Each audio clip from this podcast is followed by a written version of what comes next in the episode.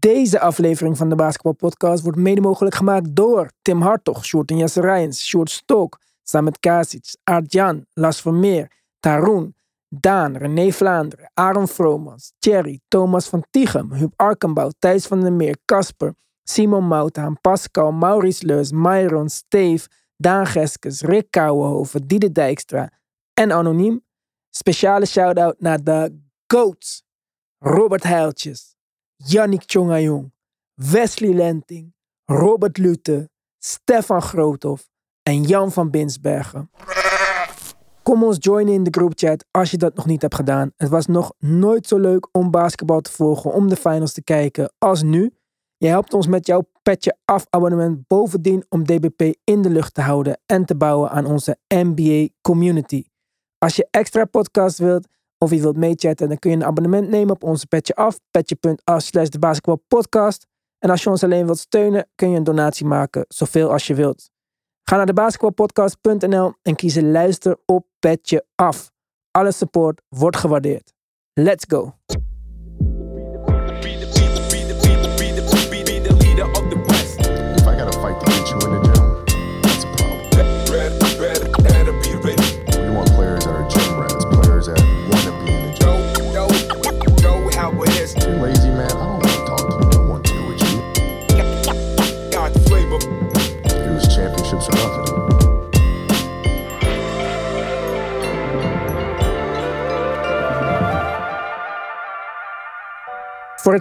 Sinds maart dit jaar verliezen de Celtics twee wedstrijden op rij. En voor het eerst in de geschiedenis van de finals gaat een speler drie keer met zes fouten naar de kant. Wie anders dan Draymond Green natuurlijk. Jason Tatum werd gisteravond de jongste speler met 600 punten in een playoff run. En de speler met de meeste turnovers in één postseason. Steph's record van 233 wedstrijden op rij met een drie-punter stopte daar. Maar met 1,4 miljard Curry-related content views op social media heeft hij bijna twee keer zoveel exposure behaald als de nummer 2 speler op die lijst. Steph had misschien geen beste avond van drie, maar wel een goede wedstrijd overal. Behalve dat hij misschien de ultieme bliksemafleider is, was hij plus 15 met 8 assists en maar 1 turnover. Verdedigd door Curry waren de Celtics 3 uit 11 deze wedstrijd, wat ze 7 uit 23 maakt in de laatste twee wedstrijden. Dat is 30% from the field. Niet slecht voor een speler die niet bekend staat om zijn defense. In 2015 was defense fundamenteel voor het Warriors succes. En het moet cool zijn voor Warriors fans om te zien dat zelfs als de offense niet spectaculair is, die building blocks nog in full effect zijn. Defense was het visitekaartje van Boston dit seizoen. Maar de Warriors wisten de Celtics al drie games onder 100 punten te houden. Terwijl Boston maar twee keer onder de 100 punten scoorde in hun 18 voorgaande playoff-wedstrijden. De man van de avond heeft Marks opmerkingen in de vorige podcast misschien wel persoonlijk opgevat. Of misschien hadden alle K-pop All-Star voters het gewoon goed gezien. Voor één avond transformeerde Andrew Wiggins naar de Maple Jordan. Met 26 punten, 13 rebounds, 2 steals in 43 minuten was hij de beste speler van de wedstrijd. En Mark, nu ben ik benieuwd of hij eindelijk in jouw top 5 staat. Ah, wat mooi toch dat hij eh, zichzelf beweest. Ik vond het echt prachtig. En eh, zeker na die wedstrijd, en de laatste twee wedstrijden eigenlijk, is hij sowieso in de top 5. Misschien wel tweede na zo'n wedstrijd. 18,5 punt, 9,5 rebounds. Dat waren stats die we misschien allemaal niet hadden voorspeld voordat deze finals begonnen. Maar toch denk ik een hele nette serie waar hij aan bezig is. Wat zeg jij, Tim? Een meer dan nette serie. Uh, als je ziet wat hij two-way brengt. Dus in eerste instantie als verdediger, waarin hij uh, emerged. Maar nu ook uh, aanvallend agressiever is. En, en nou niet alleen meer naar de ring gaat, maar dus ook gewoon zichzelf wat meer profileert als scorer. Wat hij altijd wel is geweest, dat wisten we. Is hij zo, zo waardevol voor de Warriors. Dus uh, nee hoor, absoluut de man van de wedstrijd. En misschien wel de man van de, nou, de man van de serie niet. Maar zeker wel de tweede man van de Warriors. Oeh, dat zou toch zuur zijn voor Stef. Als net door een paar goede wedstrijden hij nu de finals MVP gaat stelen. Mocht, mochten de Warriors natuurlijk de finals ja. uiteindelijk winnen. Kunnen we niet nog een keer laten gebeuren, toch? Ja, dat zou niet leuk zijn voor Stef. Hij was niet zo goed van drie, maar eigenlijk waren de hele Warriors niet zo goed voor drie. 9 uit 40. Ja, dat is niet echt Warriors achtig. Maar zelfs met zo'n slecht drie-point percentage wisten de Warriors het ja, eigenlijk defensively op te lossen, denk ik. We komen straks op het vierde kwart. Ik wil even beginnen bij het eerste kwart. Want er waren een paar momenten met die fake van Draymond bijvoorbeeld, dat ik dacht, oké, de titel van deze aflevering worden de Showtime Warriors. Want eh, het leek even alsof ze deze wedstrijd over Boston heen gingen lopen. Ja, helemaal met je eens. Dat, eh, dat gevoel kreeg ik ook een beetje. Boston eh, kwam er helemaal niet in, ondanks dat Tatum nog wel oké was. Eh, waren bijvoorbeeld Brown en Smart dat absoluut niet. En zag je aan de Warriors kant gewoon, ja, eh, ze renden gewoon weg met die wedstrijd. En eh, ik moest mezelf een aantal keer op een aantal momenten eh, een beetje inhouden om meteen al te denken van, nou, dit zal toch niet meteen al einde wedstrijd zijn. Nee, dat, dat kan uiteraard niet met dat verschil. En zeker niet in het begin van de wedstrijd. Maar het verschil tussen beide ploegen en de intensiteit, ja, was wel groot. Dat zie je eigenlijk bijna elke wedstrijd. Je denkt dat één team er echt dik bovenop ligt. En dan bij de rust staat de score een beetje gelijk. Ja, maar oh, hoe zei je dat? Uiteindelijk, beide teams waren slecht aan het schieten. Niemand was per se super hot. En er was meer individuele prestaties dat het een beetje dichtbij hield. Of dat de score een beetje close was. Het was niet alsof we team basketbal zagen. We zagen uitstekend defense ook. Mhm. En gewoon heel veel misses. En daardoor, zelfs omdat de Warriors een grote, eh, heel veel punten voor waren, waren ze in tweede kwart niet echt spectaculair in die zin. En Boston waren een beetje aan het terugklooien, zou je kunnen zeggen.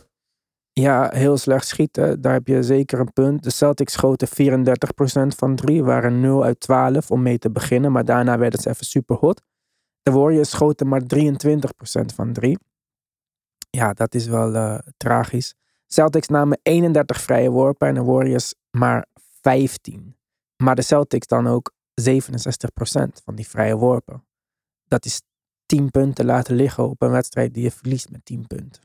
Wel slordig. Super slordig. En van Jason Tatum ook, hè. Normaal gesproken is hij de betrouwbare free throw shooter.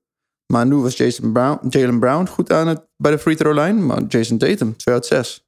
Dat eh, is niet normaal voor hem. En ik ben benieuwd waarom hij zo slecht scho- schoot van de free throw line.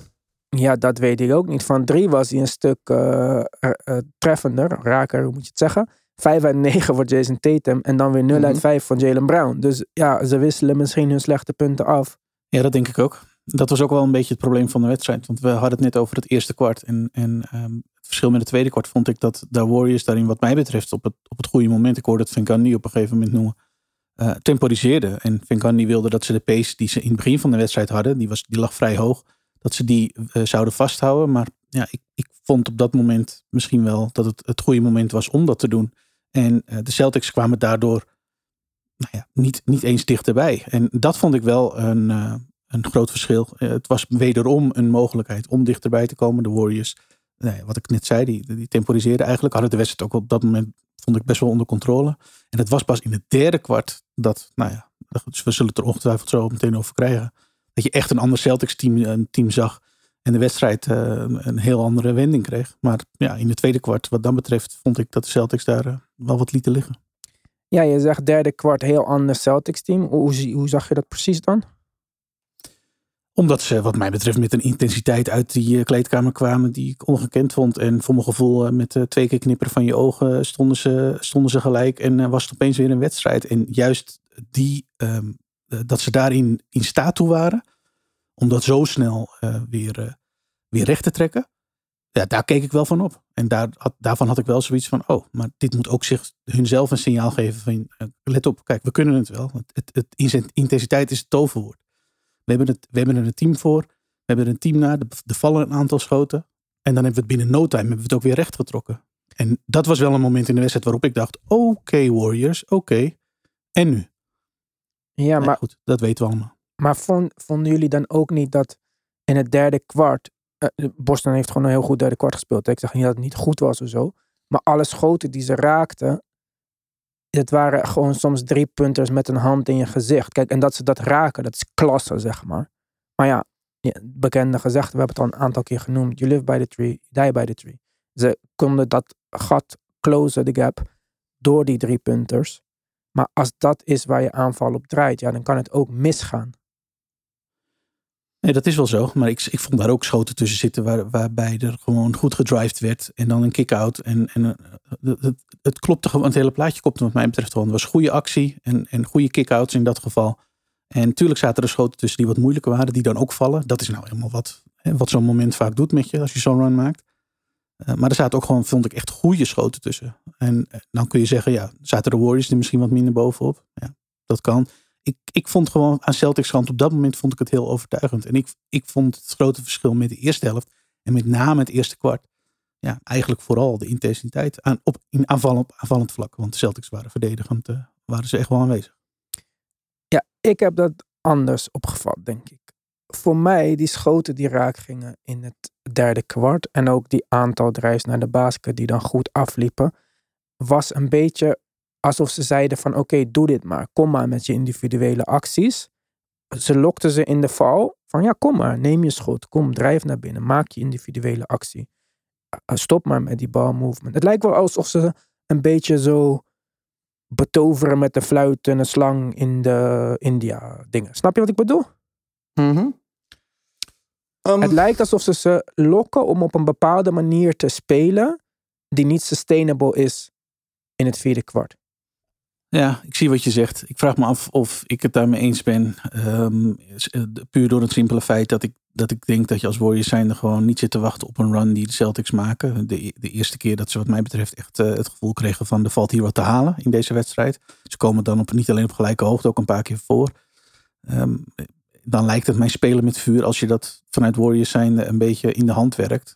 Wat ik, waar ik je wel in gelijk moet geven is, is wat mij betreft de sleutel van de wedstrijd geweest eh, is de manier waarop de Warriors daarmee omgingen. Niet in paniek rakend, ehm, eh, geen, eh, niet onder de indruk of niet, niet je laten overweldigen door eh, inderdaad op dat moment een kleine run van, van de Celtics. Maar gewoon je eigen tempo blijven spelen en inderdaad in het vierde kwart gewoon weer compleet de bovenliggende partij te kunnen zijn. Ja, zwaar indrukwekkend vond ik dat. Ja, maar dat is dus een, een beetje mijn punt. Kijk, in het vierde kwart, vier keer gescoord door de Celtics. Field goals, vier turnovers. Jason Tatum en Jalen Brown die constant proberen een weg naar binnen te wanen, banen in, die, eh, in de Warriors paint. Wat ze niet lukt. Eh, offense weer stilstaand. En ja, dan verlies je die wedstrijd. En ben Ja, je nu Celtics vielen wederom tegen in het vierde kwart.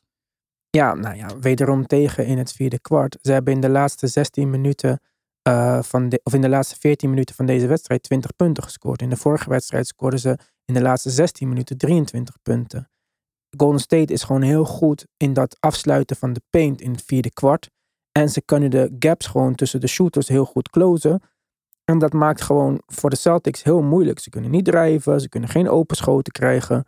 En dat is wat de Warriors defense zo goed maakt. En vooral dus in het vierde kwart. Mm, Wat ik wel moet zeggen.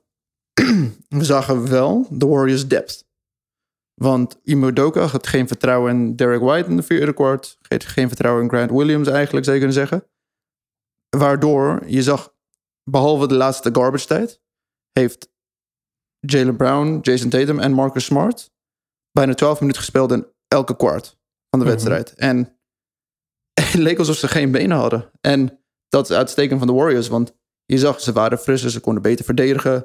Ze waren klaar voor alles. En toen de Celtics uit energie raakten, waren de Warriors net op het punt waar ze de switch kon draaien of de, de screw kon tightenen. Door ze suffocaten de Celtics. En dat vond ik heel mooi. Ja, maar ja, je hebt het ook al vaker gezegd. Turnovers. Dat was ook een Mhm. beetje het keyword deze playoffs toch voor de Celtics. Vanavond Mhm. 18 turnovers. Boston is 1 uit 7 als ze meer dan 16 turnovers hebben in een wedstrijd. Warriors scoren 22 punten op die 18 turnovers. Maakt de Warriors met 103 punten off of turnovers. Eh, een meeste sinds de 1992 Bulls in de eerste vijf finals games. Killing man, die turnovers. Hmm. Absoluut. En nu ook weer in het vierde kwart. Juist op het moment waarvan je verwacht. ehm, nu, is het, eh, nu is het tijd om terug te komen. Ehm, wat je zelf al zegt, de Warriors verdediging stond er. Dat is eh, natuurlijk de voornaamste, eh, de voornaamste factor geweest. Maar weer vier, vier crucial turnovers. Ja, en ik vind de Warriors ook nog eens ijzersterk aan de andere kant bij het converten naar points van die turnovers. Ja, en die combinatie die maakte dat het ook weer voor mijn gevoel eh, al vrij snel gespeeld was in het vierde kwart. ik kreeg al vrij snel weer het gevoel van ja, dit gaan de Celtics gewoon niet meer goed maken. Ja, lijkt wel zo. Mark, ehm, wat denk jij dat de reden is dat Jason Tatum in het vierde kwart niet zo aan is? Denk je dat dat iets te maken kan hebben met het aantal minuten wat hij speelt? Of met de dubbele taak die hij krijgt door deze wedstrijd verdedigt hij bijvoorbeeld op eh, Stephen Curry in heel veel possessions. Moet je ook maar achteraan rennen de hele avond. Is dat misschien niet een beetje te veel gevraagd? Maar als ster spelen is dat je rol. Jij draagt het team, jij zet de toon. En hij is gewoon afwezig geweest de laatste paar vier kwarten. Daar is geen excuus daarvoor, toch? En ja, je kan zeggen hij verdedigt heel hard, oké. maar hij wordt niet voor niks drie, boven de 30 miljoen betaald. Vanaf volgend seizoen om dit te doen. Ja, oké, maar het is niet... Dat heeft hij niet gedaan, de- deze finals. Ja, maar hij is ook weer niet als supergrote drie. Hij is eigenlijk een vier bijna. Zou het toch misschien niet zijn rol moeten zijn om achter de kleinste man van de tegenstander aan te rennen? Omdat jij de enige bent die een soort van hem kan stoppen. Terwijl jouw hele team, al jouw ploeggenoten zijn al defensive vote getters. Maar dit is, dat is weer een ding. Dus de team luistert dan naar de coach. En hadden ze eigenlijk, bijvoorbeeld als Marcus Smart, of een van die mensen moet gewoon zeggen: Ik ben beter tegen Stephen Curry. Ik ga de taak opnemen om hem te stoppen. Niet luisteren naar de coach van Jason. Ze hebben gewoon de hele defense aangepast. En Jason Tatum was de main defender, want Curry. En dat heeft hij de laatste paar wedstrijden niet gedaan, alleen in spurts. Ja.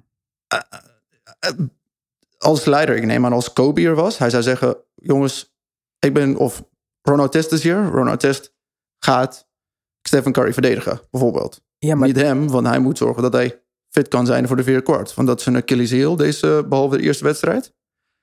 Dus ik durf Ja. niet te zeggen. Hij, ja, hij is jong, dus waarom is hij moe? Hij verdedigt Stephen Curry, dus er is heel veel rennen. Ik heb, ik heb geen echte antwoord waarom ze zo slecht zijn in de vierde kwart. En waarom hij zoveel moeite heeft. ik vind het nog steeds een groot verschil. Kobe is 6'6 um, eh, met de Ronda test piece is eh 6'7. Jason Tatum is 6'10 man. Waarom moet hij achter de point guard aanrennen? En die point guard raakt geen driepunter. Hè? Dus het is niet alsof het niet succesvol was. De eerste vier wedstrijden was de strategie make Steph beat us. Nu was de strategie make Steph pass. Ja, allebei werkt niet. Ja, dat was misschien wel de main takeaway van de wedstrijd inderdaad. Ik denk dat ze de, de, aanpak van Stef is denk ik redelijk succesvol geweest. Daarin kunnen de, eh, daarin kunnen de Celtics eh, toch redelijk tevreden zijn. Ehm, en dat Jason Tatum aan de andere kant nog 27 punten scoort is dan, eh, is dan nou, eigenlijk ook nog wel knap. Alleen ja, inderdaad wederom. eh, het zou een factor kunnen zijn waarin hij dan daardoor in het vierde kwart een beetje opbrandt. En niet meer eh, de power heeft om, eh, om, ja, om daar ook nog eens eh, uit te breken qua scoring. Maar Ja. richting Steph Curry en die ehm, tactiek, denk ik dat de Celtics tevreden mogen zijn. Maar ja, dan is het des te pijnlijker dat je vervolgens door de rest van de ploeg, onder leiding van Wiggins, alsnog wordt verslagen. Ja, deze wedstrijd was het zeker ook die diepte waar Mark eerder over sprak. Die de Warriors een, een handje hielpen bij deze overwinning. Gary Payton, 15 punten, 5 rebound, 3 assists, 6 uit 8, plus 16, hoogste van alle spelers. En stiekem Clay Thompson, 21,3 punten per wedstrijd over de laatste drie games. 41% van 3 op 11,3 attempts per wedstrijd. Met een Game 6 Clay incoming. Ja.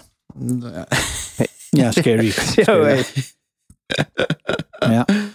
Ja, het ziet er goed uit voor de Warriors. We komen misschien zo nog wel op de voorspellingen. Maar inderdaad, als je dit nou, nog, nou nu zo opnoemt. En hij was wederom, eh, ik vond hem wederom goed.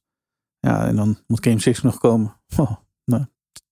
Warriors zijn in de driver's seat. Ja, denk ik ook. Eh, Mark, Game 6, Boston.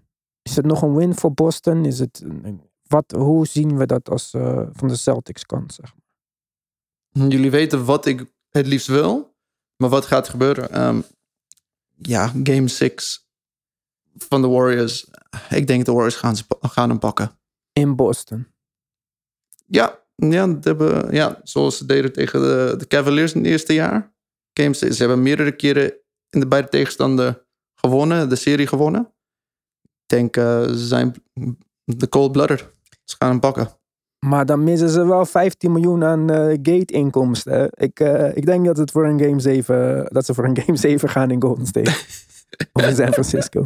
Nee, Zou wel goed ik, zijn. eh, ja, zou, ik hoop dat sowieso. Want Game 7 in de finals is ongeveer het leukste wat er kan gebeuren, kan gebeuren denk ik.